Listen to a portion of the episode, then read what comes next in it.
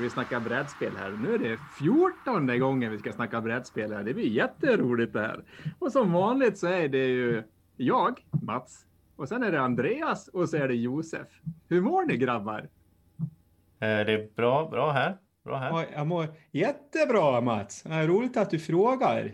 Jo, men det är ju som självklart. Jag försöker vara lite mångkulturell här då. Kan du förklara varför du pratar så här nu Mats?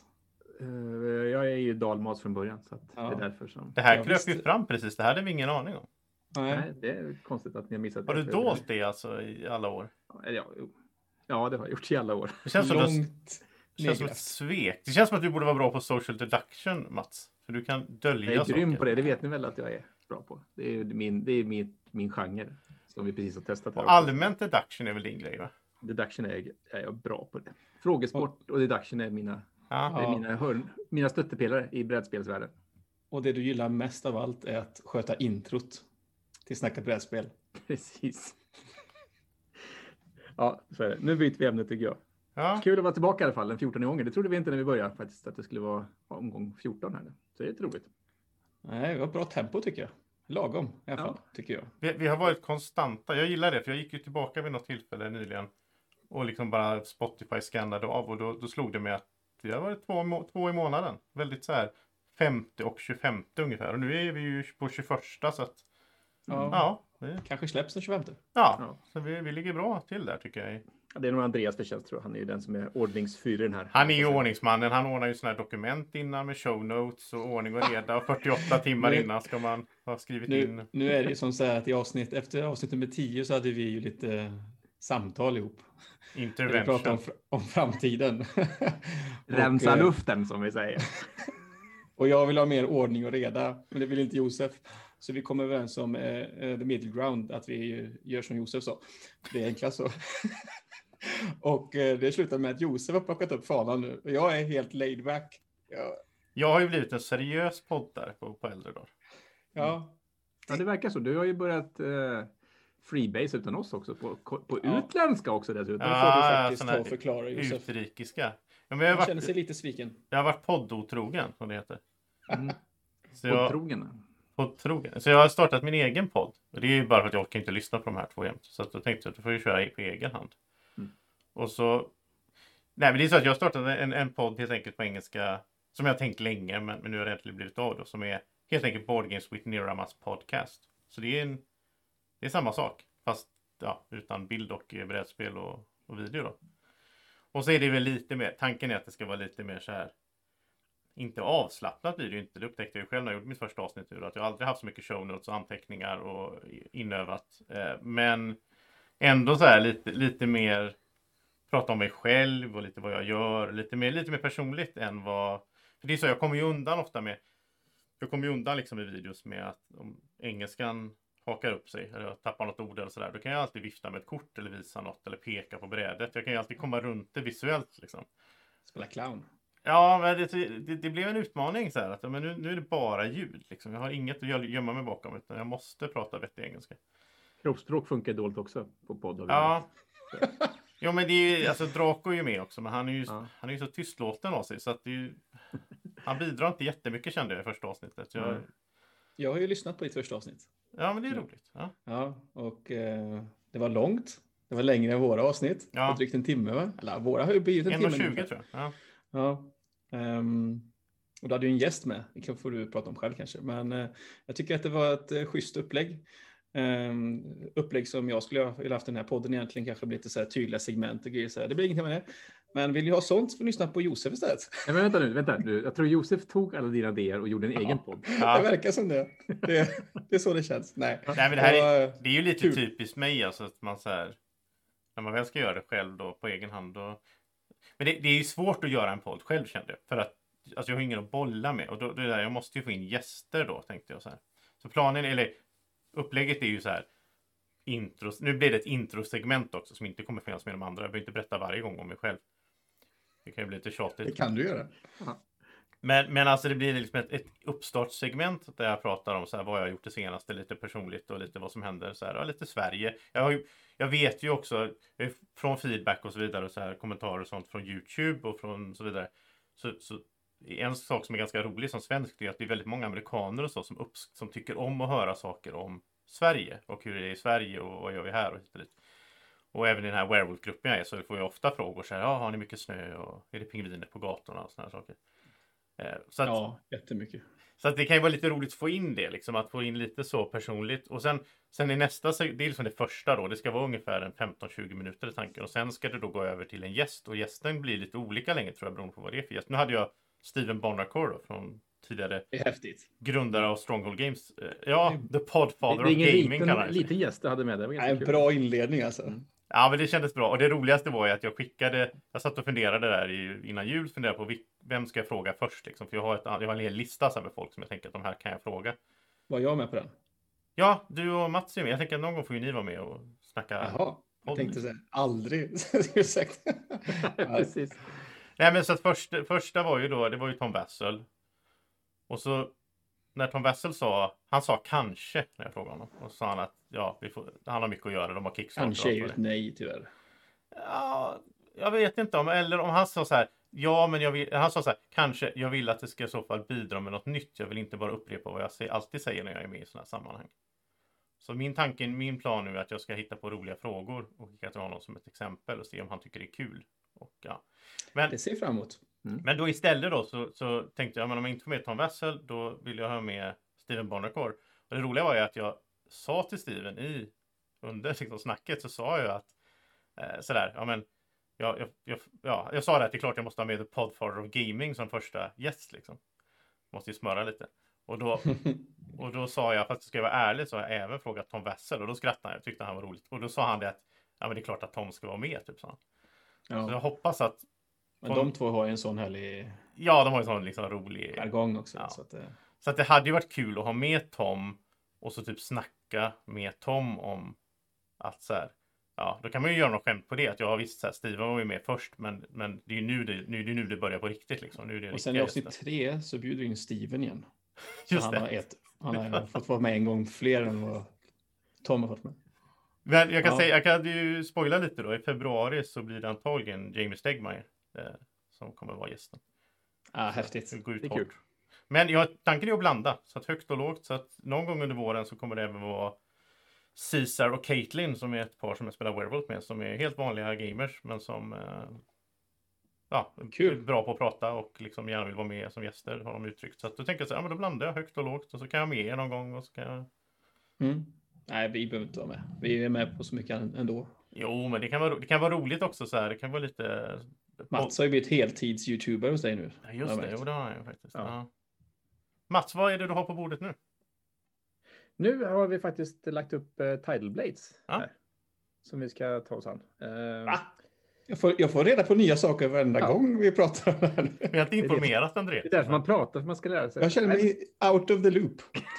out of the loop. Ja, men det, det ligger faktiskt och ska testas nu här. Ja, eller jag har kört några gånger nu och provat lite grann. Det, Eh, för, för den snygga produktionen först och främst.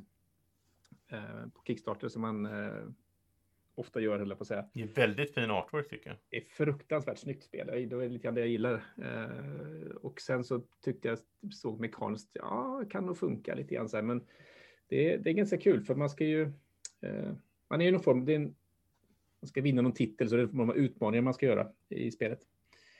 Och då är det ju slå tärningar men det roliga med tärningsslagandet här är ju att man ska försöka få rätt symboler. Det finns fyra olika symboler i spelet man kan få. Och då ska man i varje utmaning kan ha lite olika symboler. Ska man slå. Men varje gång du slår tärning så slår du också en eh, danger die, heter jag vet inte på svenska, fara, farotärning. Som eh, gör att du kanske då får mitigera den skagan med en, eh, med en snäckskal. Men Sen kan du slå hur många gånger du vill tills du slår rätt spår, så länge du kan mitigera skadan. Men till slut så kan du då använda här snäckskalen för att göra antingen vända upp en tärning till rätt symbol eller att ja, göra, använda, återaktivera två tärningar och så vidare. Så det finns en kul mekanik i det och sen kan man då även levela upp tärningarna från då enklaste där så kan man gå lite olika vägar. Så en väldigt kul typ av mekanik där i alla fall för själva tärningshanterandet. Heter det Heroes of the Reef? Ja, precis. Ja. Title Base Heroes. Jag har kollat kanske på bilder här nu. Det ser, ah, okay. det ser otroligt fint ut. Part One heter det också, så det kommer säkert fler här, höll på så här. Men produktionen är ju, ja, den är, det är ju Druid City Games som gör det här, så de är... Jag har inte riktigt Miniatyrer och allt förstått. möjligt. Är, är det ett story-drivet spel eller är det, är det en kampanj? Nej. Eller? Vad jag hade hoppats på lite att det skulle vara någon sån form av uh, solomod som är där man liksom utvecklar sin karaktär. Då, för att du har ju ändå såna här, när du levlar upp så har du såna här hjul som du snurrar så att du får liksom öka på dina kunskaper inom fyra olika uh, vet du, karaktärsdrag. Ja. Eh, det är fokus, det är spirit, det är resilience eh, och synergy då, som ger olika saker. Eh, och då, när du slår, gör en utmaning i en, och använder dina förmågor, då, så säga, eller karaktärsdrag, så utvecklas de också bättre. Så du vill liksom göra olika typer av utmaningar för att bli mycket bättre hela tiden. Ja. Så- Men är, det- börjar man liksom om varje gång man spelar spelet eller? Ja, det- precis. Och det är det som jag tyckte Okej. var synd, att jag skulle gärna haft någon, eh, någon kampanjmode som hade varit kul tror jag. Men det som är kul, och det, det är väl så här, när man spelar i, mot andra spelare, då är det ju att nöta fram så mycket eh, vinstpoäng som möjligt, som i de flesta, många andra spel, på säga. När du spelar solo, då ska du bara komma före din rival som du spelar mot. Så det blir en helt annan typ av spel där alltså vissa saker som kanske är viktigt i, i vanligt multiplayer blir helt oviktigt kanske när du ska köra det solo. Så Den här produktionen av sådana här hjul som man snurrar på för att ha koll på hur många grejer man har och saker. Det är ju riktigt snyggt. Mm. Nej, det är, nej, det är för, lådan är nog den största, nej inte, inte som Globeheim, men den är typ nästan en, en hovhög i alla fall, jag på att säga. Ja. Eh, så sätt. Så att den är, det är en rejäl låda med en, i den här Kickstarter Deluxe-utgåvan och såklart. Det finns väl vanlig. Ja, Det är spännande, det ser vi fram Mm. emot. Eh, Jag tycker det är väldigt spännande det här att det dyker upp. Alltså jag, jag redigerar ju dina videos, men det är väldigt spännande när det dyker upp en video, en solo playthrough då, som jag ska lägga ut på kanalen som jag inte har sett själv, som jag inte vet. Det blir som att redigeringen blir mycket roligare också, för jag sitter ju och då kollar så att säga på playthrough medan jag... Ja, precis. Ja, jag hoppas på att få klart det här snart. Jag har satt upp allting och spelat igenom så jag känner att jag har koll på hur funktionen är så kan man väl börja spela in sen också. Man vill ju känna att man gör rätt. alla Ja, ja. man spelar in. Hur många videos på Cloudage har du Birgitta? Eh, jag har spelat in tre. Eh, den andra... Är, alla tre eh, okej nog för att lägga ut Josef eller kommer du rata någon? Nej, nej, alltså jag, jag bara... Den första är ute, den andra ligger i redigeringen nu, den håller jag på och pillar med. Och sen... eh, Och det är, jag kan säga att det är väldigt mycket... Det är väldigt stor skillnad mellan första och andra, så det känns Mats som att du verkligen har kommit in i det. Att du liksom mycket tydligare och bekvämare och så i den andra än Så vad jag. Alltså jag fick ju se Matt, Matt visa upp sin rigg förut. Och jag bara, vad är det här? Det är ju massa lampor och allt möjligt. Och vad var det du sa då? Du, du, du är en gammal fotograf. Fotograf. Jag har på med film och video förut. säga. Gammal vet jag att du är, men fotograf och från Dalarna. Det är många saker på samma gång, Mats. Det händer grejer idag, Andreas. Ja. Det är, jag vet det. Det är som en helt ny värld öppnar sig. Ja, precis. Och vad var det du sa? Om det blir krig, ska du ut och ta kort då? Ja, jag är krigsplacerad som fotograf, så att jag gjorde lumpen som fotograf också. Så. Så nu, nu får vi en helt ny bild av Mats när han springer runt i de da, dal, dalska, vad säger man så? Dalska skogarna. Ja, kan man säga. Och fotar ryssar. Ja, det det är ont, ja, det är bara det är finska björnen som bor i Dalarna, vet du, uppe i Älvdalen. och ja. Så, så är det. Fiende Ja. vit. Eller? Nej, men så, det ska, jag, alltså, rent spontant avsluta Tidal Blades. Eh, det blir kul att se. Och det som jag tycker också är kul när man filmar och spelar solo är att man tänker på ett annat sätt, tycker jag. Man Mm. pratar för sig högt för sig själv, eller ja, det blir att man pratar för andra, men det blir liksom en annan sätt att spela spelet på, tycker jag, som är faktiskt roligt. Att, Har du hittat några nya sidor hos dig själv? Liksom, är det, kommer det någon konstig Mats fram? men mer tänkande, tror jag. Ja, det brukar vi inte göra annars. Så att det, Nej, det då kör jag bara. Då Karaktärsdrag. kör jag bara. Precis. På, på tal om tänkande så har vi ju precis eh, spelat ett väldigt tungt eh, tänkarspel här som, som heter, vad heter Andreas? Vilket av dem? Vi spelar ju tre spel. No thanks, eller? Ja, eh, No Thanks. Ja, just vi spelade No Thanks också. Det var roligt på BGA. Men vi spelade Dinosaur Tea Party. Tea Party, ja. Det var ju fantastiskt. Vem, eh, vem där på, fast med dinosaurier och eh, fler än två? dricker te och hattar och flugor Alltså, på sig och sånt. Det är ju först ett spel, eh, jag, jag hörde på en annan podd, eh, Sober, Sober Wrong About Games, de har ju spelat det på BGA och tänkte jag får testa innan nu vi ska podda. Och eh, det är ett spel där man går ut på att man är dinosaurier som går på, på Tea Party. Och så ska man, det är först till tre sockerbitar. Och en sockerbit får man ifall man lyckas gissa vem Jag tycker Mats Alltså- borde berätta istället. Han ser så engagerad ut. Nej, men alltså man, är, man är varsin dinosaurie, man ska gissa vilka de andra är. Och så får man ställa frågor, typ så här att är den här dinosaurien i ett grönt rum? Jag har ju zoomat ut nu. Jag kommer vara borta i fem minuter. Så Prata klart. jag frågar Josef, eller man klickar interface då, det är väldigt smidigt så. så jag trycker på, liksom så här, på Josefs eh, lilla eh, ruta, trycker jag så här, eh, Josef, är, är du i ett grönt rum? Och så svarar han automatiskt då. I verkligheten antar jag, då säger du väl Ja, men precis. Man Ja, behöver ju inte svara nej. själv. Nej. Nej, för svaren kommer automatiskt så man kan inte fuska heller. Eh, I alla fall i Board Game Arena-implementationen. Och så fanns det ju olika rum och olika, typ så här att eh, dinosaurier kan ha fläckar och ränder och, och typ olika saker som har, att de har tänder, de har på sig hattar och jättefånigt liksom, supersnyggt var det. Ja, väldigt snyggt gjort. Ja, jag tror att det är fantastiskt på ett bräde liksom. Och så fanns det ju tre dinosaurier, jag vet inte, kan det ha varit 15 stycken totalt i leken kanske? Ja, det kan det vara. Mm. Ja, något sånt. Eller jämnt tre, Ja. ja, tre stycken utav dem var ju, hade ju såna speciella saker. Så en svarar alltid nej, oavsett Ja. vad frågan är. En alternerar alltid mellan svaren. Så det är slumpmässigt om man svarar ja eller nej första gången och sen svarar han alltid tvärtom, oavsett vad frågan är. Och den tredje ljuger alltid, så han svarar alltid, liksom, han, säger, ju- han pratar alltid sanning. Och det var ju, det var ju, det var ju roligt. Eh, Så det börjar med att ni typ börjar fråga mig om min dinosaurie jättemycket liksom. Det tog en stund innan jag fattade riktigt hur man skulle göra. Ja, Jag fattar fortfarande inte hur man gjorde. nej, men till slut så var det väl någon av er som gissade rätt då. Ja. Och då man säga, ja, vi visste ju inte hur spelet funkar riktigt. Vi bara, vi har hört att det är kul, vi startar, vi, läser, vi lär oss spel under tiden.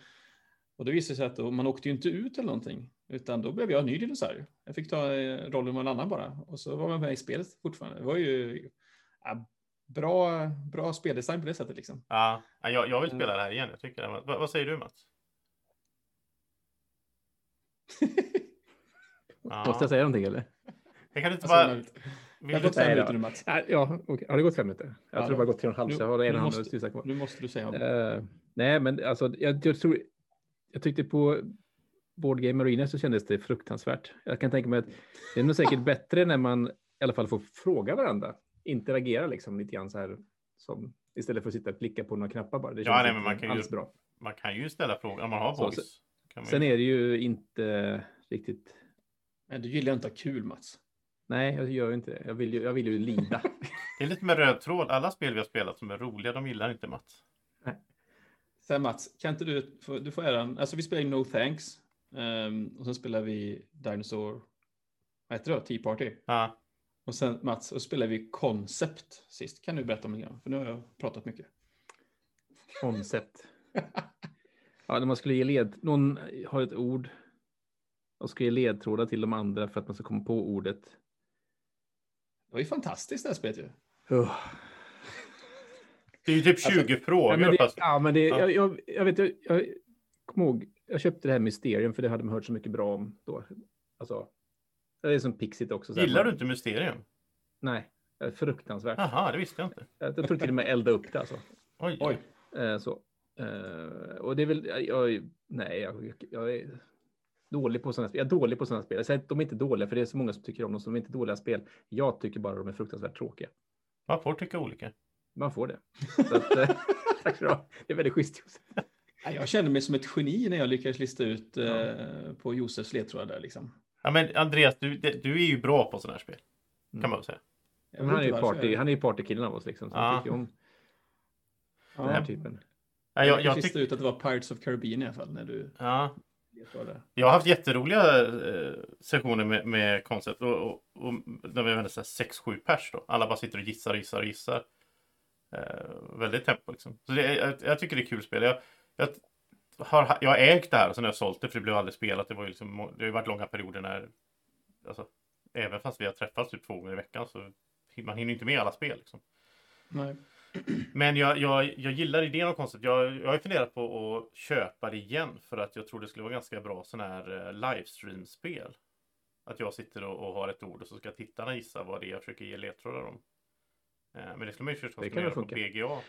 Jag, jag, alltså, jag kan återigen säga det igen. Jag tror att det här spelet är säkert sånt som man ska spela när man sitter runt ett bord. Mm. Att Ja. man, nu var det så här, man skulle skriva liksom, Mm, mm. in och det blir, det blir inte lika spontant, man bara tjatar på. Och, och, jag, säger, jag kan säkert spela sådana här spel, typ rätt tillfälle då tror jag också, när man är stort gäng, man kör på, liksom, man tjatar. Mm. Det är säkert roligare då än vad det var nu. Nu Ja. tyckte jag bara det var totalt fruktansvärt. Man måste ju inte skriva. Utan jag har ju varit med om det också. Att, att man, man struntar i chatten och så sitter man istället voice här eller på zoom. Och så sitter man och skriker Tills ut någon olika missar rätt. Ja, Mm. Ja, för det ja. är som att gjort på riktigt. Eh, Och det tycker Jag- jag blir roligare.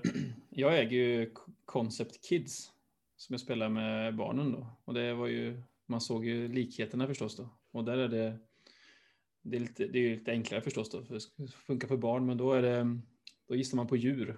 Och då får man ställa frågor och så, så uppmanar man att den, att den vuxna personen i rummet, det är ju inte säkert att det är föräldern. Det är någon person i rummet som får vara eh, spelledare då, och försöka leda barnen till att titta då. Typ Så är det Emelie som får göra det varje gång när ni spelar. Ja, för jag, giss, jag sitter och gissar, det är kul. Liksom. Jag, är, jag är jättebra på det här med hundra, Ja, ja. Katt, hundra katter och sånt där.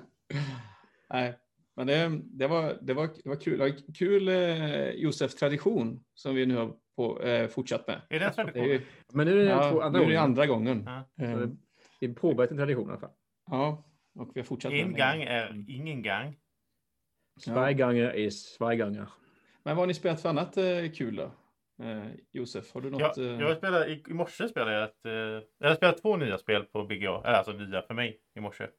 Jag var uppe tidigt och då är amerikanerna fortfarande vakna en del av dem. Så då lyckades jag spela. Så jag har spelat eh, Kakao. Som är ett spel från 2015 som är liksom Tile Layer. Det är Phil Walker Harding som även då har gjort Baron Park och så vidare. Jaha. Och det, är en väldigt smart liten tile layer. och Den, det är ett sånt spel som passar superbra på BGA. Alltså vissa spel känner jag, jag är inte så sugen på att spela Teotihuacan på BGA. För det känns för, det blir för plottrigt och svårt, eh, svårt att få koll på. Men det här är alltså det enda du gör på din tur är du har tre tiles. Du väljer en av dem som du lägger ut. På dina tiles så har du små meeples, typ workers. Och tilesen ser lite olika ut. Så en del har, du har alltid fyra gubbar på dem. Men ibland är det en åt varje håll. Ibland är det typ en uppåt, en neråt, två till vänster. Och så vidare. Och ibland är det typ en uppåt och tre till vänster. Så det är tomt på de andra sidorna. Och det de, det de Men rör de, vid. de är print, men de är förprintade då på... Med, ja, de är färdiga. Ja. Mhm. Så det de rör vid, jag tror alla börjar likadant. Jag tror alla börjar med, jag vet inte, det kanske man inte gör, men alla har liksom en, en liten lek med, med tiles. Som är, Ja, sin man, egen färg då? Typ, så. ja, man drar inte från en gemensam som är Carcassonne, utan man har liksom sin egen lilla lek. Mm. Och det de så att säga rör vid är det du får. Så om du, sett, om du då pa- parar ihop så att tre gubbar är på den sidan som det är kakao, eller kakao, då får du tre kakao. Och sen Mhm. Kanske du har, har en gubbe som är emot en marknad som ger tre pengar. Då kan du sälja en kakao till den för tre pengar. Du, pengarna är poäng då. Och sen finns Okej. det vatten, såna här eh, lite små sjöar eller liksom vattendrag. Och om du då har gubb, för varje gubbe du har mot vattendraget så, dras det av. Du börjar med typ 10 minuspoäng. Varje gång du får en vatten så får du liksom, går det ner till noll och sen går det upp plus på plus istället. Och sen slutligen finns det en tile som är tempel och där är det area control. Så den som har flest gubbar som rör vid den i slutet av spelet får 6 poäng och tvåan får 3 poäng. Och det är typ hela spelet. Eh, Nu visar Andreas bilder här och jag har inte sett bilder på det fysiska spelet förut. Men det ser väldigt charmigt ut med de här små spelarbrädorna som är cirkulära. Mm. Eh, Men Tilelayers passar väl ganska bra att spela digitalt. Jag tycker Eh, det. Ja. Så Mm, länge det jag är hyfsat jag. tydligt. Mm. Jag, är- jag måste ju nämna det då när vi spelar Keyflower. Det är också lite liten, liten Tiley ja. Där. Och där var ju med vägarna helt omöjliga att se. Det var, det var ju ett Aha, exempel på där det mm. inte fungerar, liksom Tileyen. Ja, okej. Jag har inte Men jag tror att annars, nej, alla annars var ju spelet bra, men eh, Mm. så. Kakao ja. kan jag verkligen rekommendera på uh, BGA. Eller allmänt. Jag tyckte det, jag det här spelet skulle jag nästan vilja spela live också. Det, det är liksom en... Jag har faktiskt spelat en hel del Car- Carcassonne och jag har spelat Carcassonne Hunters and Gatherers det senaste på BGA också. Eh, Men jag tycker kakao slår det. Jag tycker det var, det var ett bättre spel. Kul. Nej, men det vill man testa. Det lät ju som trevligt spel och Hur lång tid tar det att spela? Jag tror det tog kanske 25 minuter eller något på tre. ja, lagom Något kanske. stilen, ja. Det är väl återigen då, då hade jag då spelat med er, då hade det ju varit liksom 45 för då ska Andreas tänka i. Mm. Ja. Jo, men så är det. Det är alltid det där. Någon får ju tänka. Det Ja, har ja. vi kommit fram till. Vad, vad har du spelat Mats det senaste? Eh, jag har ju även eh, spelat Crystal Palace. Jag, vet, jag tror inte jag pratade om det förut, va? Nej.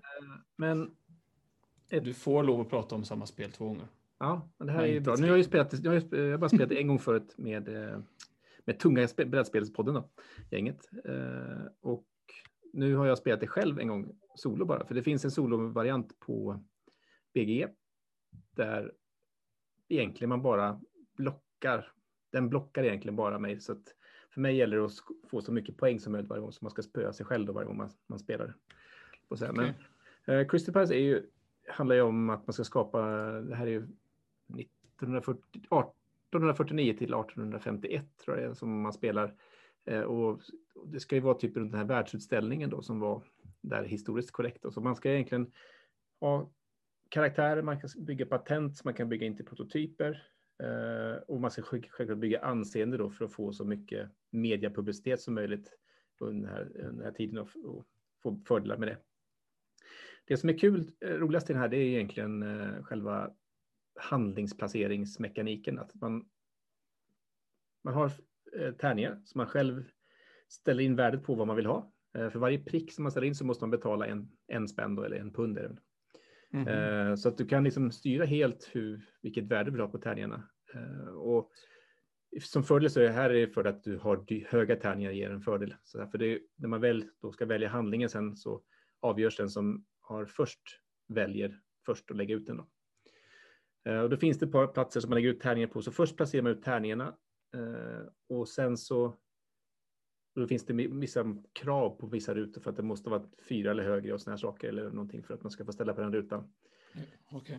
Och sen så flyttar man då ner den här och gör en handling efter det så att då blir det ytterligare ett moment där i där. Och som alla sen spel, tight ekonomi, stenhårt verkligen.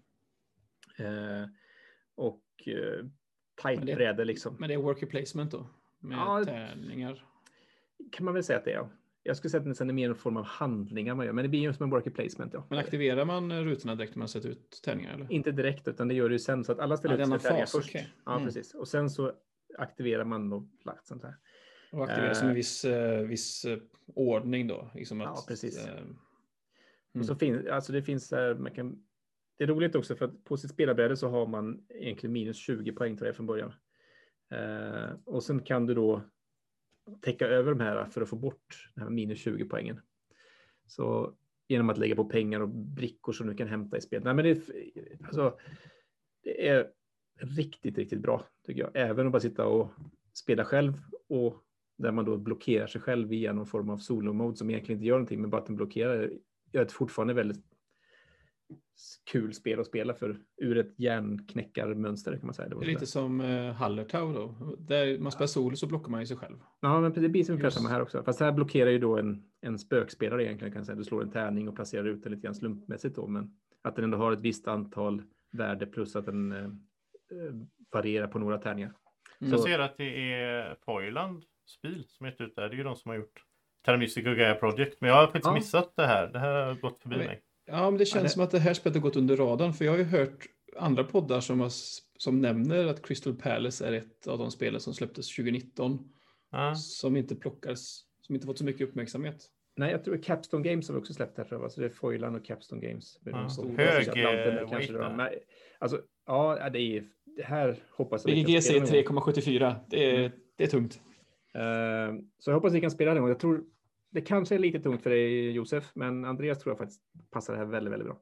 Mm. Men, eh, Jag, jag har sett en, eh, en halv playthrough på det här och jag kände inte att det var min typ av spel. Men, eh, nej, jag tycker det, det är...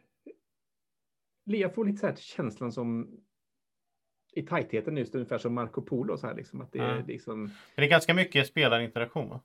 Ja, det blir att man blockerar varandra på tärningar liksom och då kan du så här. Det finns kanske tre platser att välja där du ska på en, på en plats, men sen finns det bara två att ta handling därifrån. Så snålar in med oj. låg tärning så kan de gå in med en högre tärning och ta den platsen ifrån dig så du kanske inte får någonting. Ja. Eller också så tvingas du gå och betala kanske pengar för att få den andra platsen. Liksom. Men det finns ju folk som gillar sånt. Så det, Ja, jag tror att det, det är långt ifrån vad du gillar Josef. ja. Och eh, jag kan nog tänka mig att spela någon gång. Mm, det måste. Jag kan tänka mig att testa, det är alltid så. Jag kan tänka mig att testa. Men problemet är när man ska testa ett tungt spel är att det blir en väldigt liksom, insats bara för att testa en gång. Ja, så är det. Ja. Men, och, men jag tycker ändå så här, typ, man, jämför tunga spel så känner jag att det här fick man ändå, ändå ganska snabbt en överblick. Lite grann som Marco Polo, det är inte, egentligen inte så svårt vad man ska göra. Ja, Det ja, svåra är att göra allting. ja. Så att, eh, och det gillar jag, tror jag. Så det, Jag, ja, jag, ska, jag ska bara nämna kort. Vi har redan pratat massor om det här. Men jag har spelat Hallertau nu. Det hade jag inte i senaste podden. Eh, Då pratade jag Massor, om... massor. Jag, jag pratar ju bara en 20 minuter om Hallertau förra Ja, ja nej, Det är fantastiskt. är, det, är det mer superlativ att säga nu, Josef? Ja, alltså jag kan säga så här. Eh, Jag tror det är så här just nu. Feast for Odin. Agricola. Hallertau. Vad betyder det? Ja, det är Ska slåss, ranking. Dina ranking på UV-spel. Jag tror det är min trea på UV just nu. Okej, Det slår, det slår alltså Fields of All för mig tror jag. Jag tror det puttar ner Fields of All från tredjeplatsen. ja, då är det bra spel. Ja, jag har ju bara spelat det solo, ska tilläggas. Men, men som solospel är det ju riktigt bra. Jag skulle nästan säga att det är bättre som solospel än vad Agricola är. Feast for Odin är fortfarande det bästa solospelet han har gjort med. Okej. För det, det, ju, det, finns, det finns en väldigt skön... Det är otroligt välgjort tycker jag, hur han abstrakt... Alltså, jag vet inte hur man säger det på liksom, men alltså abstrakt... Alltså att man, vad, vad blir det då? Att man gör man abstraktion så att man... Eller så här, man tar, han har ju tagit bort... Så här, nej, du behöver inte mata dina gubbar varje runda och så vidare. Men indirekt gör ju det ändå, därför att när du då i slutet av varje runda utvecklar din by så spenderar du ju grödor och då går den, flyttar du en tile och det är ju egentligen att de får mat och att de utvecklas på olika sätt. Men han har gjort, det är så snyggt gjort alltså hur det liksom Och är. att du får fler arbetare. Ja, du får fler arbetare, ja, precis. Ja. Men istället för det här, ja, du har tre matpluppar här och så spenderar du dem. ja, just det. Ja, Jag tycker det är så snyggt och sen, och sen liksom det här Ja. Framförallt solo då som vi sa, du blockar dig själv. Det är ingen annan, Mm. det är ingen automa som kommer in och du drar ett kort och så random, utan du vet så här. Jag vet att de här platserna, nej, i och för sig, det är random på det sättet att man vet inte vilken fjärdedel då av brädet som kommer att rensas i början av nästa runda. Men eh, rensas det fortfarande bara toppraden i varje... Så är det och du drar ju kort för det och du drar ju inte om korten så att om det redan har varit typ Så du vet vad det ett kan vara? och tre, då vet jag att två och fyra är på gång liksom. Ja, just det. Så det är väldigt mycket, man kan minmaxa in i, i all, in i helvetet liksom. Om Jag skulle vilja.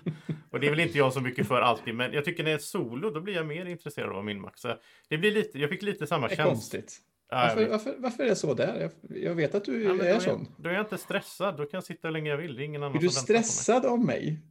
Nej, inte av dig då, för du tar ännu längre tid. Men om Ja. jag sitter med snabba spelare så känns det som jag vill inte sitta och minmaxa för länge för att det blir liksom tråkigt för alla andra vid bordet. Ja, men det är väl skillnad så här, typ att om man sitter själv och spelar någonting, då, då, är det bara, då gör man ju det för att fördriva tid och för att få ut så mycket som möjligt av det. Men sitter man och spelar med andra runt bordet så kanske man ah, kanske inte tänker den extra två minuterna varje drag. För att, Nej, och spelet är inte det viktigaste Nej. för mig. Det är Nej, viktigaste att precis. träffas och. Mm. Jag ska bara säga en sak till och det är att jag fick samma känsla nästan som i Terraforming Mars Solo och det är ju ett väldigt bra betyg för mig då. Ja, det får man ju säga. Och det, och det är för att den här mattedelen som är, jag älskar ju det i solo. Jag, för mig är det så här, Terraforming Mars för mig är ju ett solospel nästan och jag tycker det är som bäst solo. Och det är för den här mattedelen att jag tar, jag vet hur många rundor det är. Om jag köper det här kortet, jag vet exakt vad det kostar. Jag vet hur många rundor det är, jag vet hur mycket, mycket produktion jag kommer att få det, jag vet hur mycket stål är värt. Alltså kan jag få ett ja eller nej, är det värt att köpa det? Jag behöver inte bara gå på magkänsla utan jag kan få liksom svart på vitt. Och lite så blir det i Hallertau också, att jag vet vad jag behöver i slutet av rundan. Det är inga överraskningar någonstans. Och, och i det här spelet så gillar jag det. Sen ska ju sägas, om jag ska vara helt ärlig då, så jag älskar ju annars liksom eventkort och randomness i spel. Men, men på något sätt så, det var, nej, det var skönt. Det var skönt att bara grotta ner sig i det här minmaxandet. Det var- Mm. Apropå, eh, nu, nu ska vi kanske lite kort nämna Terraforming Mars på, på Android, eller på steroider då kanske. Att det Ja. blir en snabbare variant. Eh, Josef försökte få in att vi har segment här nu. Nej, det har vi, Vi, inte. ju, vi Nej, har nej, nej. ju bara ingen plan här nu. Så nu bara segwayar vi in. Jag antar det du menar med att träffa. Ja. På Terraforming Mars Ares Expedition. Kanske inte Precis. det du menar. Men nu... Jo, nu, det var så jag nu tänkte, för det måste ju vara... Alltså, Terraforming Mars är ju ett kortspel med brädor liksom, och det här är bara ett kortspel med små bräden, så att det blir väl... Eller, eller så här, kan säga Terraforming Mars är ett brädspel med kort, medan det här blir ett kortspel med bräde. mm. Ja, För er som så inte har en aning om vad Mats pratar om just nu så har det precis för några dagar sedan eh, släppts information om att det kommer ett nytt spel i Terraform Terraform Mars-familjen. Vi trodde ju alla att det skulle vara Dice Game. Som vi alla har spelat, eller? mm. Eller testat prototyper av. Ehm, ett par olika varianter av prototyper till och med. Men ehm, nu så boom kom eh, bomben att det släpps det the, the Card Game som kallas för Ares Expedition. Och som är typ, om man, de, de, de släppte detta på någon, eh, jag kommer inte ihåg vad den podden heter. Wargame Barbecue, en australiensare. Ja, just det. Och de hade ett par gäster där och de släppte den som en bomb under podden verkar som. För det de, de som höll i, håller i podden var ju inte beredda på det riktigt. Nej, det var inte riktigt. Men jag ska vara helt ärlig så kom ju faktiskt eh, eh, första informationen om detta kom ju på eh, Dice Tower. Ja, okej. Okay. På eh, Boarding Breakfast och, när Steven Barnacle var med. Och sen andra snacket om det var ju i min podd. Steven Barnacle. Men han pratade väldigt lite om det. Han var väldigt förtegen. ja. Jag försökte fiska lite. Men, men sen då, det, det stora var ju då. För det är ju så att det är ju eh, Sydney Engelstein. Eh, som alltså är dotter till Jeff Engelstein. Eh, som är huvuddesigner. Eh, och sen har ju Jakob Fryxelius varit med på ett hörn vad jag förstår. Och även då, vad heter den andra? Nick eh, Little. Nick Little, ja. Eh, så att, och Sydney Engelstein har ju då tagit över Steven Barnacors jobb. Så att säga. Så att hon, eh, vad jag förstår, så att hon liksom driver eh, Stronghold mm. Games. Jaha. Okay.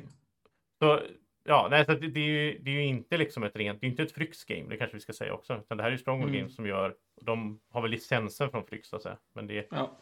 Och det var därför det blev en sån överraskning också, för eh, jag har ju mejlat liksom med, med Jonathan Fryxelius hyfsat nyligen och sådär om, om Dice Game och så, vad kommer under 2021 och så. Då nämndes inte det här alls. Så plötsligt så ser jag Steven Barnacore, eller Board Games Insider, då, hans podd lägger ut, jag tror det var de som var först ut med bara okay. en bild mm. på Facebook. Och jag tänkte nog först, som många gjorde tror jag, att jaha, är det en expansion? Liksom, kommer det en ny expansion till Terraform Mars? Mm. Det tog en stund innan man kopplade, men, men det ska bli jätteintressant. Jag, jag är väldigt så här öppen. Jag Vi vågar... pratade lite innan om det. Du, Nej, jag vågar du, inte hoppas inte på... Nej, men jag vågar inte hoppas på för mycket därför att det finns ju exempel, till exempel då eh, Nations to Dice Game som är bättre än grundspelet tycker jag. Ja, just det. Och sen finns det liksom Castles of Burgundy the Card Games som känns helt meningslöst som bara är varför. Mm. Mm. Det är svårt att göra spelet bättre än Terraforming Mars. Det tror jag också. Ja, ja. Men eh, det som är intressant, det som, det som fångar min uppmärksamhet kring detta, det är ju att de utlovar ungefär halv, ett spel på halva speltiden ungefär. Och att det, tänk man blandar Terraforming Mars och uh, Race for the Galaxy. Så de har tagit hela den här fasaktiveringen. Mm. Så att uh, man spelar uh, simultant hela tiden. Och man börjar varje runda då, eller vad det kallas, med att, väl, att alla väljer varsin fas samtidigt. Och det är bara de faserna som väljs som kommer aktiveras i den här rundan.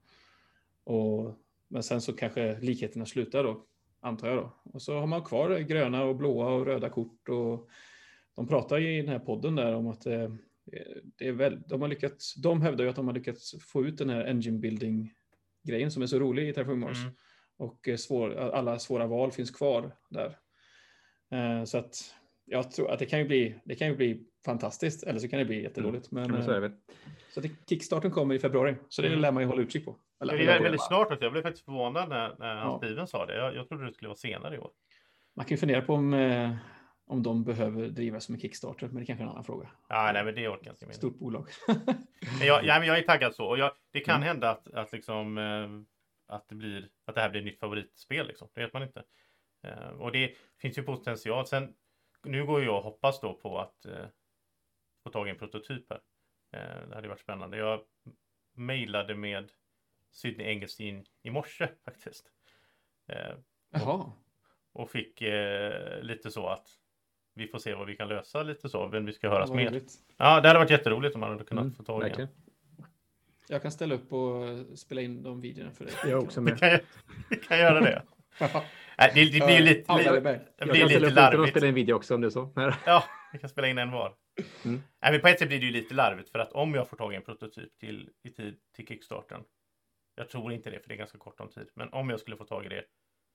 Då blir det ju på något sätt en sån. Det spelar ingen roll vad jag tycker om det. Det är ju så här 10 000 tittare oavsett. Alltså. Ja. Det är sån här bara. Ja.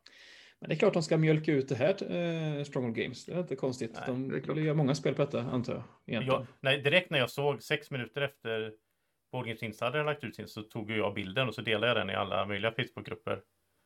Och, och fick så här typ 200 kommentarer i någon grupp. Det har jag aldrig fått en post förut. Nej. Eh, på typ några timmar. Men typ 180 av de kommentarerna var ju så här. Jaha, ska de mjölka det? Jaha, men det är ju redan ett kortspel. Men det är ju redan ett kortspel. Varför ska de göra ett till kortspel? Det är bara att de ska tjäna pengar. Så folk är ju, jag vet inte, folk är ju som de är. Men Ja. Ja. Tjäna Ja. pengar är ju tråkigt. ja, Ja, nej, det- varför skulle ett företag vilja göra det? Ja. Liksom? Det är snarare, ja. Okej, eh, vi måste ju se. Du, du har, du spelat något spel? Vi hoppar väl lite grann här, men det är så det ska vara i den Ja, här det ska det podden. Vi ska inte vara så styrt. Men Andreas, jag Eh, tycker, jag tycker ja, vi har ju ett, vi har ju ett, ett, eh, vad heter det, ett flödesschema har vi ju här. Nej, det har vi inte. Vi har ett dokument med saker som man eventuellt kan prata om. För, för Stödpunkter. Andreas har skrivit tre grejer. Han har skrivit Pandemic Legacy Season Zero. Det tycker jag redan vi har tjatat massa om. Jag, skrivit, det, det gör jag, du frågar vad jag har spelat. Det är ja, det ja. jag har Och så har han spelat. skrivit Through the Ages på Android. Det tycker jag också är gammal skåpmat. Så jag vill höra om Mariposas. Jag håller Ja, med. okej. Ja, Resten kan du stoppa ner i sängen igen. nu. ja, eh, Mariposas är ju uppföljaren, eller eh, Elizabeth Hargraves eh, spel efter Wingspan. Ehm, Det är väl mer korrekt ingen- beskrivning än uppföljare kanske. Ja, precis. Uppfylla helt fel. Eh, Men det är hennes nästa spel. Ehm, Och det släpps inte, och det är inte släppt av Stonemare Games, utan det är något annat, något jag inte kan uttala. Alderac Ja, AEG, Eldrak Ja, just det. Där står det. Ja, smart. Ehm, så jag spelade det en gång. Vi köpte det faktiskt för ett par månader sedan, men så hamnade det i hyllan bara, så som spel gör. Vi försöker dock spela alla våra spel. Allt, det, är, det är väldigt få spel i hyllan vi inte har spelat än. Men nu fick jag äntligen till att spela Mariposas och det var ju en spännande upplevelse. Det var ju, jag visste inte vad jag, för, vad jag kunde förvänta mig när jag eh, spelade spelet. Det är ju ett spel som handlar om fjärilsmigrering eh, eller någonting. Det handlar om att fjärilar börjar någonstans i, ja, man är i Nordamerika måste man vara. Och, eh, Mexiko tror jag det börjar någonstans. Mexiko, ja. ja. Och så är det verkligen tydligen så att eh, fjärilar rör sig över kontinenten, eller över, ja, Du kontinenten på sa fåglar typ. Ja, precis. Så jag fåglar? Ja, jag, sa, jag menar inte fåglar. Nej, nej, nej, de, alltså, de, de flyttar som alltså som fåglar. fåglar. Ja. Jaha. Eller de, nej, de kanske inte flyttar på vintern och kommer tillbaka och sånt. Nej, De, jag vet de inte. dör väl Man- längs Det är vägen? fjärilar i alla fall. Ja. Fjärilarna rör sig då. De eh, flyger. De har ju vingar. Alltså jag kan, jag är inte bra på Har fjärilar. fjärilar vingar? Strunt sam. Det, det, här, det här ska vi ta. Det. Vad då? Ja, alla spelare börjar med en fjäril längst ner i Mexiko i början av spelet och det är typ på vintern och på våren. Och ehm, sen så kommer man spela spelet under tre rundor. Så man kommer spela under våren, sommaren och hösten. Och ehm, man har tillgång till bara ett visst antal fjärilar. Och fjärilarna har, ehm, vad säger man, det kallas generationer i spelet tror jag. Så de börjar liksom första generations fjärilar. Och sen så kommer de, de kommer inte överleva liksom för länge. Så att, i, så att man, när sommaren kommer så dör alla fjärilar från generation 1. Och när, sommar, och när hösten kommer så dör alla generations 2 fjärilar. Typ så Ja. kan man säga. Och ehm, när det är din tur så väljer du ett av två kort. Man har alltid två kort på hand och korten är typ förflyttningar. Och då kan eh, kort vara så här att du flyttar en fjäril fem steg och sen när du landar så plockar du blommor och så kan du föröka dig. Ungefär, typ så. Eh, föröka sig gör man om man eh, har samlat blommor innan och kan betala för förökningen. Då, typ. Man ska samla på, det finns fem olika blommor tror jag, och så ska man ha typ samla på par och trissar och massa saker. Men då måste jag fråga här då. Om du har fyra fjärilar. Får du två barn då? Nu är vi här igen. Varför Det hamnar kan alltid vi den här... alltid hamna där. Ja, men Ja. jag vill det- veta för det här är viktigt. Nej, alltså har du en fjäril så blir det en till fjäril. Inte Det är bara varje en fjäril i sig som förökar sig. Alltså om du gör det... Du, ja, varje fjäril får ett fjärilbarn. Av nästa generation. Det här låter ju helt Eh, orealistiskt. Här. Ja, men det Ja. som händer i alla fall då att det, varje runda i sommaren och eh, på våren, sommaren och hösten så finns det ett målkort. Det, som man måste uppfylla saker för att få poäng. Till exempel kan det vara typ att ehm, för varje fjäril som du har ovanför Atlanta så får du tre poäng. Och då vill du ju flytta dina fjärilar norrut då. Finns det ett sånt här eh, CDC Control Center i Atlanta då från början? ja, precis. Så det blir pandemic. Ja. Nej, men så jag började spelet med bara så här, jag gick eh, korta steg och samlade blommor och förökade mig. Så hade jag fan, massvis med fjärilar liksom där, längst ner, någonstans nära Mexikos gräns. Då insåg jag så här, det blir fruktansvärt jobbigt att flytta på alla de här fjärilarna. För att varje gång när det är din tur så spelar du ett kort och så får du flytta en eller flera fjärilar. Men du får liksom distribuera dina... Liksom, du, får inte, du, kan, du får inte fler drag totalt för du har fler fjärilar. Du har fortfarande lika, lika många drag. Så att ju färre fjärilar du har, ju längre kan du flyga omkring med dem. Eller de kan nå längre. Ah. Så att eh, när jag höll på att skaffa massa fjärilar i Mexiko, typ där, så flyttade så Emily, hon flög upp någonstans i mitten av eh, USA någonstans och började föröka sina fjärilar. Och då var hon mycket närmare allting bra man skulle vara. Och så flög hon omkring där och uppfyllde målen jättebra. Och jag tog jättelång tid innan mina Du var fjärilar vilse med mexikanska gränsen. Väldigt udda spel. Jag tror att... Eh, ja, jag vet inte, jag tror att eh, det kan bli väldigt så... Eh, matte, matteintensivt. Men, det här då, om man nu ska göra den här konstiga jämförelsen, kommer det ersätta Wingspan på era så här Nej. kvällar? Nej, det, det, det tror jag inte. Nej. Emily sa dock, eh, det är hon som gillar Wingspan mest av oss två tror jag. Hon sa ju att det är skönt att ha ett annat spel som man kan spela lite snabbt. Mm. Ehm, det här tog ju oss säkert en och en halv timme första gången att spela. Men det är ju alltid så. Wingspan tar ju en halv, 40 minuter först kanske att spela. Mm. Jag tror inte att det här kommer komma ner i det. Jag vet inte riktigt. Men ehm, Det är väldigt olikt egentligen Wingspan om man säger så som spel också. Ja, det nej, det var känns ju mer som ett racingspel än som ett, eh, ja, ett och det känns lite mer eh, turbaserat. För att varje gång din tur så drar du börjar spelet med två kort. Och sen när du sp- spelar kort så drar du ett nytt kort. Och om korten inte passar det du vill göra, ja, då får du försöka du gör det bästa situationen. Men det, du kan liksom inte skaffa en större hand eller någonting. Utan Är, det lite så, om jag ska vara lite så här cyniker, är det lite så att det här aldrig hade fått någon större uppmärksamhet om det inte hade varit så att Elisabeth Hallgren var designat och hon blev så populär med Wingspan? Ja, det tror jag säkerligen. Alltså, Ja. Men hon är ju en etablerad, tror- design. hon är etablerad designer nu. Det är klart Ja. att hennes spel kommer få Ja. uppmärksamhet. Ja, men det är väl samma som UV har väl också doppat ner i, Ja, ja, verkligen. i, Mm. i spelhögen Mm. höll jag på att säga. Alla stora gör väl det. Utan, Men vi kommer spela det igen. Jag kommer säkert återkomma till det. Men Mm. jag tror inte att det kommer nå Wingspans höjder. Fjärilar flyger lägre. Du var fyndigt här nu. Ja, Ska vi, fly, ska Jag vi måste flyga slä- vidare på eh, den här listan nu då och se var vi hamnar? ja, Ja, jag, måste, jag, jag måste bara slänga in här för att eh, jag visar ett, ett spel för er här nu. Som är, Ja. det här är nummer två i podd. Crossroads-serien, Gen 7. Crossroads Game. Jag har inte spelat det här och jag kommer antagligen aldrig spela det. Men det här har världens coolaste tema och det, det påminner lite om det här med fjärilarna. Det är därför jag kommer att tänka på det. För Gen 7 går ut på tematiskt så här, så är det att du ska, de ska skicka liksom en bemannad, ett bemannat rymdskepp till någon avlägsen planet och så vidare. Från jorden. Och det heter Gen 7 därför att man vet redan när man skickar ut det att det kommer ta typ så här 20 generationer innan man når fram. För det tar så lång tid att flyga. Jaha. Och det här utspelar sig då i generation 7. Och, det, och jag tycker tanken är så häftig så här att de som flyger iväg från jorden. De vet att de kommer bara leva hela resten av sitt liv på ett rymdskepp. Sen kommer de att dö. Deras barn kommer att leva hela livet på ett rymdskepp och sen dö. Och så kommer de göra det 19 Mm. gånger. Och de 20 generationer, de kommer anlända till den här nya planeten och kanske kunna då kolonisera den för mänskligheten. Jag tycker det är så häftig tanke bara. Att det, Mm. Hur kom du in på det här? men fjärilarna funkar så. Fjärilar. De, de, de, de vet ju inte om det. Men, men alltså när de flyger iväg från Mexiko så... De Det var, det var en konstig Nej, association. men det, det har du rätt i Josef. De vet inte om det. Nej. För att eh, de Men vi inte- vet ju om det, så att om vi Mm. som människor gör en sån grej så är det fascinerande.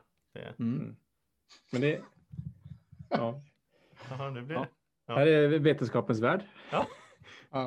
Här snackar Men- vi saker. Ja. Ja, nu, nu, jag tar taktpinnen här. Vi har Ja, ju det. spelat Robinson igen. Ja. Måste jag säga. Det, Ja. det, är Vi ju, ägt Robinson. För, för enkelt spel. Ja, det är ju, vi har ju konstaterat det att vi är ju proffs. Eh, heltidsproffs på Robinson Crusoe. Nu spelade vi ju Volcano Island var det. Mm. Och eh, jag har nog aldrig sett på maken till eh, så mycket. Guld. Är ju Guld, ren, guld. skicklighet. Alltså, det, eh, själva det, det scenariot går ut på att man, eh, man ska ju samla på sig så mycket skatter man kan. Man ska utforska typ eh, tempel är det väl. Och så ta sig, ta sig av ön. Ta sig av ön, säger man så? Man Ja, flyr just- från lava som Ja. kommer. Liksom. Ja. Mm. Precis, och så är det en vulkan som får utbrott och så rinner lavan ner mot eh, vattnet och så flyr man utåt. Men uh, det var kul. Det var, men kul att spela. det riktigt bra. funkade ju bättre den här gången. Jag spelade ju i realtid den här gången i stort Ja. sett. Mhm. Eh, Nej, men det, vi kan väl rekommendera det som ett spel som man kan spela med kompisar i Över Zoom. pandemitid, så Ja. länge någon bara har en, någon form av webbkamera Ja, och kan ha någon form av överblick och sen så kör man resten via eh, Skype eller Zoom eller vad det nu är. Liksom. Ja, ja, alltså om man, Det om, man hur in, jättebra. om man inte ska spela in det eller streama det så är det ju faktiskt väldigt enkelt.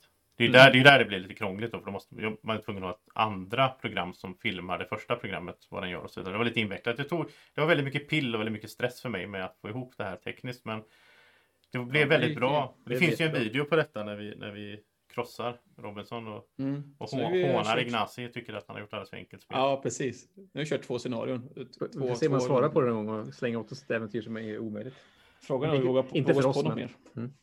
Vi har ju inte provat Eh. King Kong dock. Det här King Kong-scenariot ska ju vara... nej, fruktansvärt ska det vara. Erik eh, från eh, Tunga Brädspelspodden tycker vi ska spela det. Mm. Men vi bara, nej. Det fick vi ett förslag från, kolla nu, segway på segway. Eh, vi fick ju det förslaget av Erik eh, eh, på vår nya, ja, just, vad var det? Broderpodd kan man säga. ja, vem var det som sa De är mjuka brädspelspodden ska vi kalla den för. eller Vad ska vi kalla den för?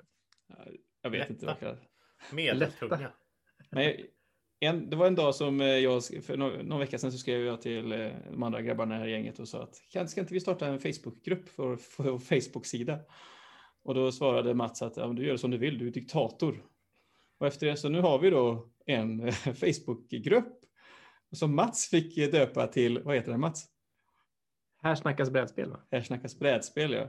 Man, hittar den, an- man kan hitta den via vår Facebookgrupp. Den är typ länkad där. Ehm, så vi har startat den där och eh, det varit lite, eh, det varit en, en, en del trådar. Vi har väl tänkt att posta sakerna där som är i alla fall poddrelaterat först, tänker Ja. jag. Det ska väl vara ett forum också för där man kan fråga eh, om saker och ting. Liksom för att få eller skapa diskussioner också. Så det är, det är väl jättekul. Ja, jag har ett önskemål dock. Att jag tycker, till skillnad från alla andra brädspels Facebookgrupper, så tycker jag vi kan skippa sådana här, åh, här är min katt i Gloomhaven-lådan bilder. De tycker inte jag tillför så jättemycket i grupperna. Nej, men Josef, då får du moderera detta. Mm. Så det blir ju moderatorprat. Skriv upp en sån kattförbudsskylt direkt när man kommer in.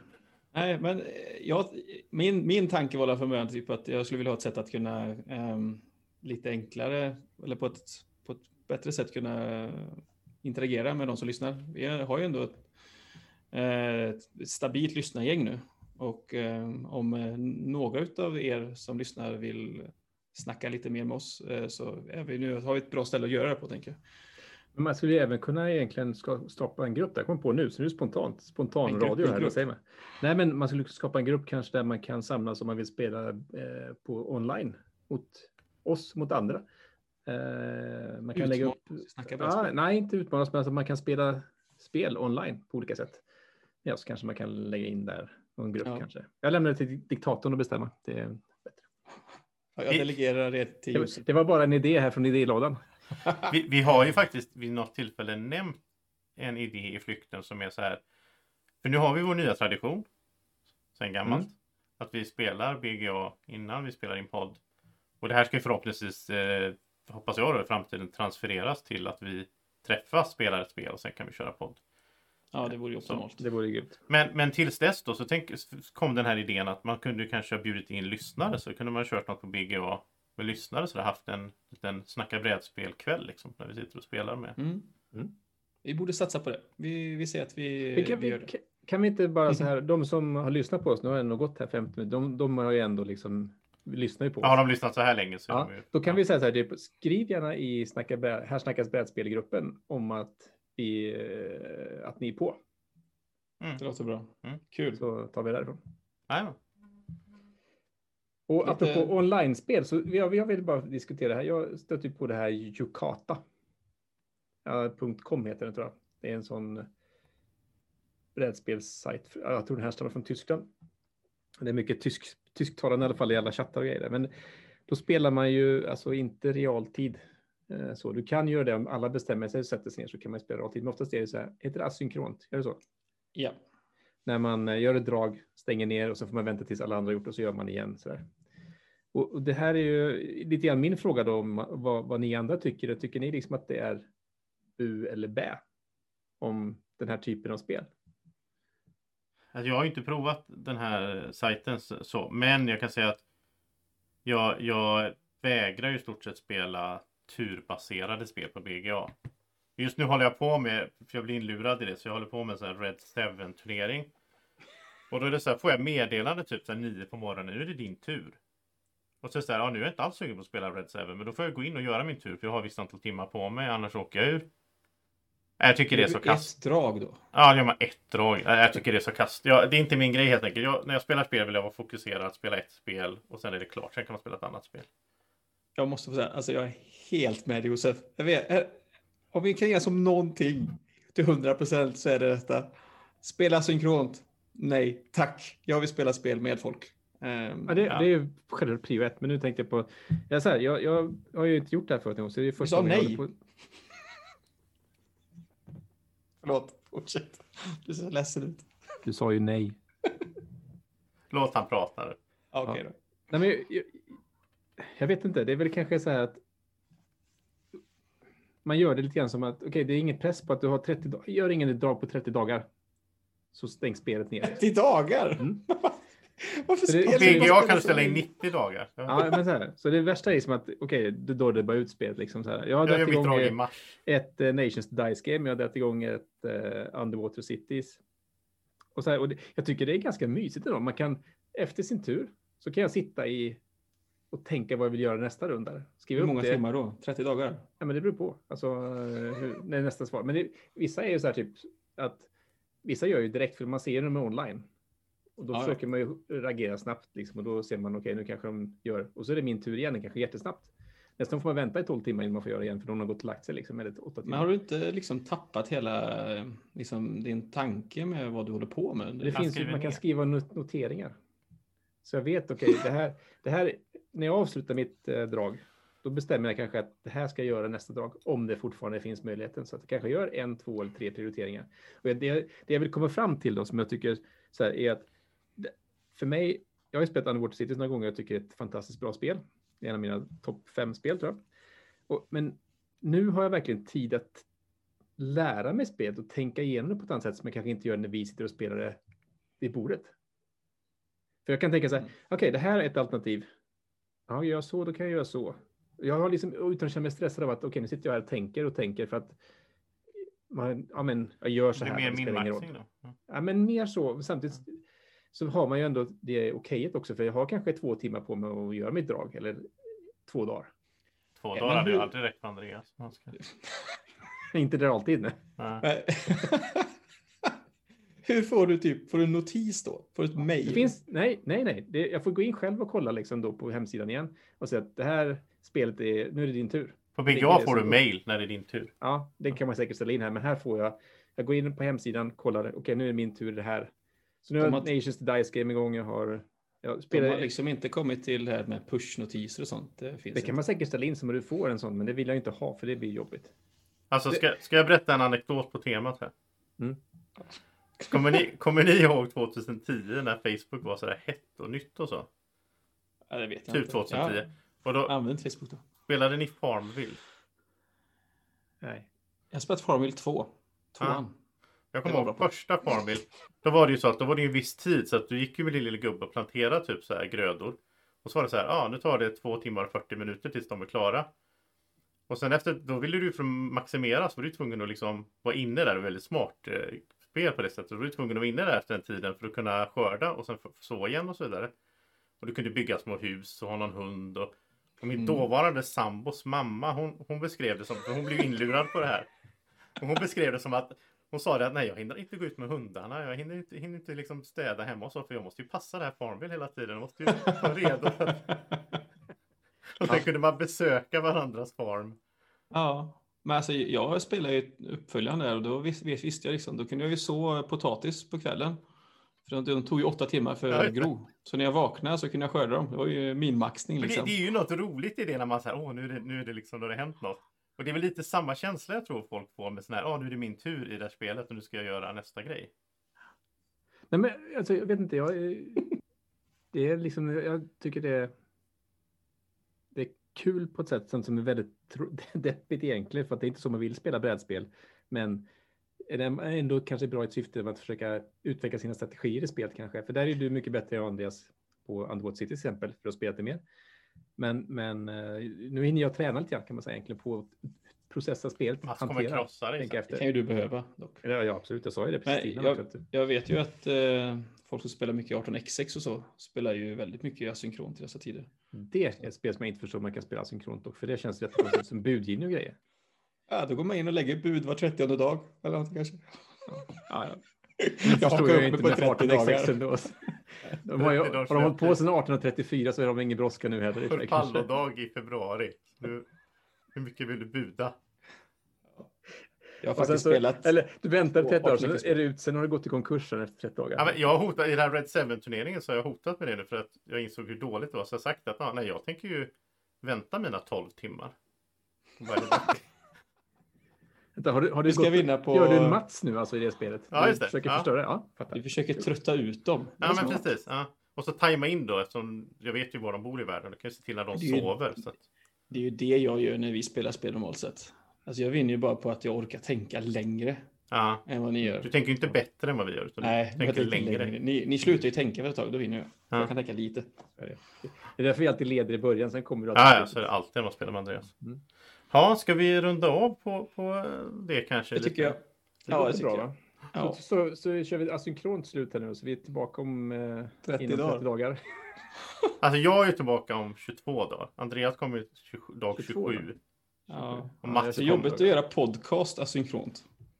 Som jag man Nej men vi gör så här. Jag spelar in. Jag ställer en fråga. Mats, vad har du spelat det senaste? Och så skickar jag den ljudfilen till Mats. Ja. Då spelar han in sitt svar, skickar Ja. tillbaka. Sen skickar jag den till dig Andreas, så att du får höra vad Mats sa. Och sen kan du ställa en fråga till mig. Nej, Får det får jag som en notis då eller? Jag får mail. Att, ja, nu är det din tur att säga någonting. Vi, Ja, vi ja. kan ju annars bara liksom ha en eh, Google-box som man själv går in och kollar på. Liksom att, Ja, ja. Go- Google-box finns det förresten. Jag Kan vi inte skicka brev? Ja. Det vore kul tycker jag. Med kassettband. Med fi- Men- ja, Med dessa fina ord så lämnar jag det här mötet. Ja, så och får så de trycker man bara på rec och play och sen spelar man in och sen skickar man ja, ja precis. Ja, och sen Det klipper vi varit- ihop det. Det hade varit kul. Ja. Nu ska Ja, hej. Hej då. Ja, tack för idag. Sköt om er allihopa. Tack. Ha det bra. Hej. Hej. Hej då. Stort tack för att du lyssnar på oss i Snacka brädspel. En podcast av Andreas Isberg, Josef Sandholm och Mats Jengard. Musiken du hör i bakgrunden är det Malin Isberg och Sofia Svärd som skapat. Hjälp oss gärna att nå ut till fler genom att berätta om vår podcast för en vän eller två. Och slutligen, vill du komma i kontakt med oss så hittar du oss på Facebook. Hej då!